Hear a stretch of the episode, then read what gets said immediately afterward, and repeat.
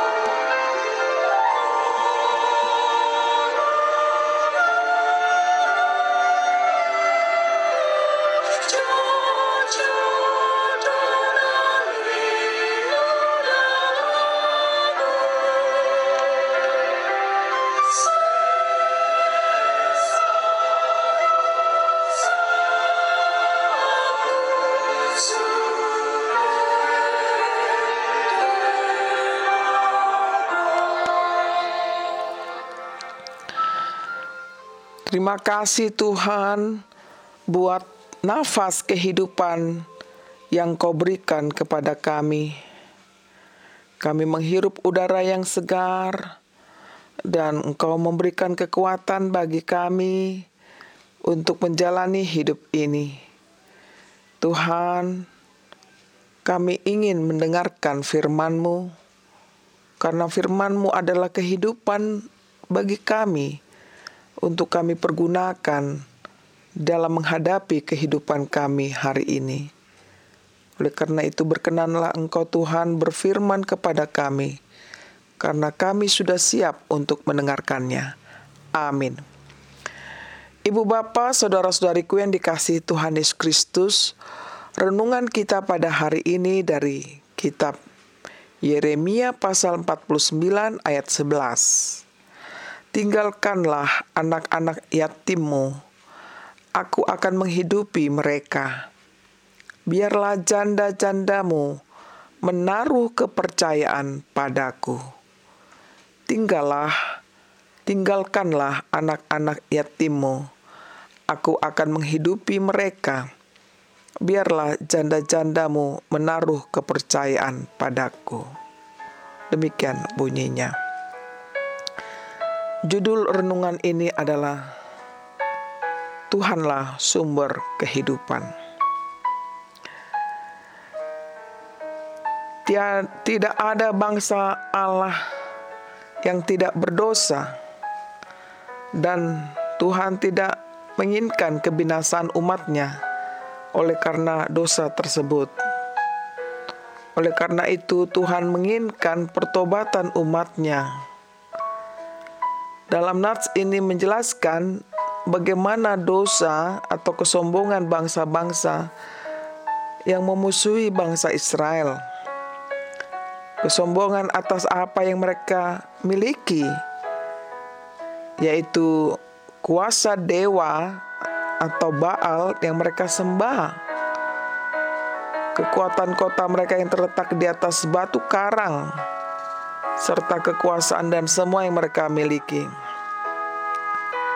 Tapi Tuhan Allah berfirman melalui Yeremia yang akan menghancurkan mereka semua dan menghancurkan kota mereka oleh karena disebabkan kesombongan yang luar biasa terjadi dalam kehidupan mereka.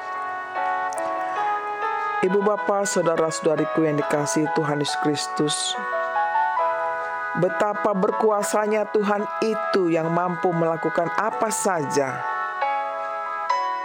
Dikatakan sampai anak yatim bahkan janda-janda pun akan berbalik dan meminta pertolongan kepadanya. Oleh karena dahsyatnya kehancuran yang mereka alami, oleh karena dosa mereka. Dalam nats ini, saudaraku, dikatakan bahwa sekalipun mereka dihukum Tuhan, akan tetap menghidupi mereka.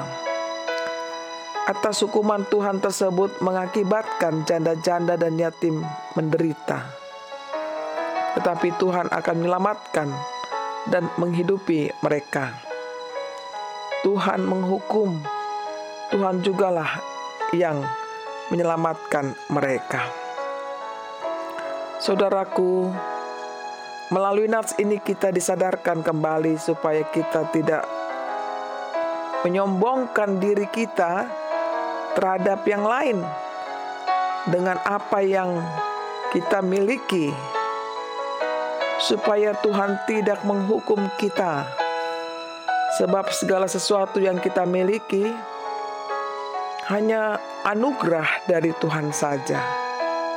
Kita menerimanya itu semuanya, dan kita juga menyadari bahwa betapa Tuhan sangat mengasihi umatnya Betapa Tuhan sangat mengasihi saudara dan saya.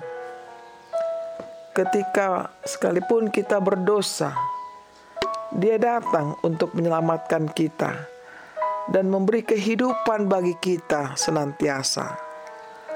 Marilah, saudaraku, kita datang dengan kerendahan hati kita, sebab Kristus Yesus telah mati bagi kita orang-orang yang berdosa agar kita memperoleh keselamatan yang kekal. Biarlah kita melalui renungan ini semakin meyakini bahwa Tuhan pelihara hidup kita. Ketika orang-orang membenci kita, Tuhan tetap mengasihi kita ketika orang-orang menjauhi dari hidup kita, Dia tetap mengasihi kita. Dia setia menjaga, memelihara, dan melindungi kita dari mara bahaya, dari kesusahan. Percayalah kepada Tuhan saja. Tuhan memberkati hidup kita hari ini, esok, dan selama-lamanya. Amin.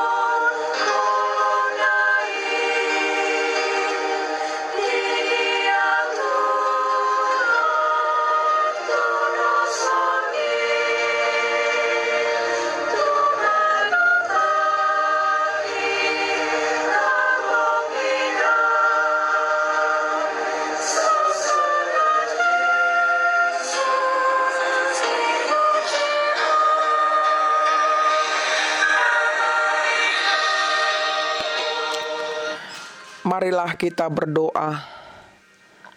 Ya Tuhan Allah yang kami sembah dalam Yesus Kristus, kami sungguh bersyukur Tuhan buat firman-Mu di pagi ini yang ber, memberikan semangat hidup bagi kami.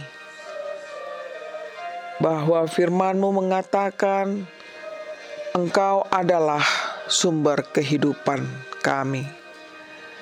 Baik itu anak-anak yatim sekalipun maupun para janda-janda, mereka adalah milikmu. Engkau sungguh mengasihi mereka, Tuhan. Ya Tuhan Allah, kami menyerahkan hidup kami pada hari ini, agar Engkaulah yang memelihara kehidupan kami. Berkenanlah Engkau memberkati kami, Tuhan, melalui Tuhan berikan kami kekuatan menghadapi segala kesulitan, kesembuhan saat kami sakit Tuhan, kami berdoa untuk saudara-saudara kami, di mana pun mereka berada pada saat ini Tuhan.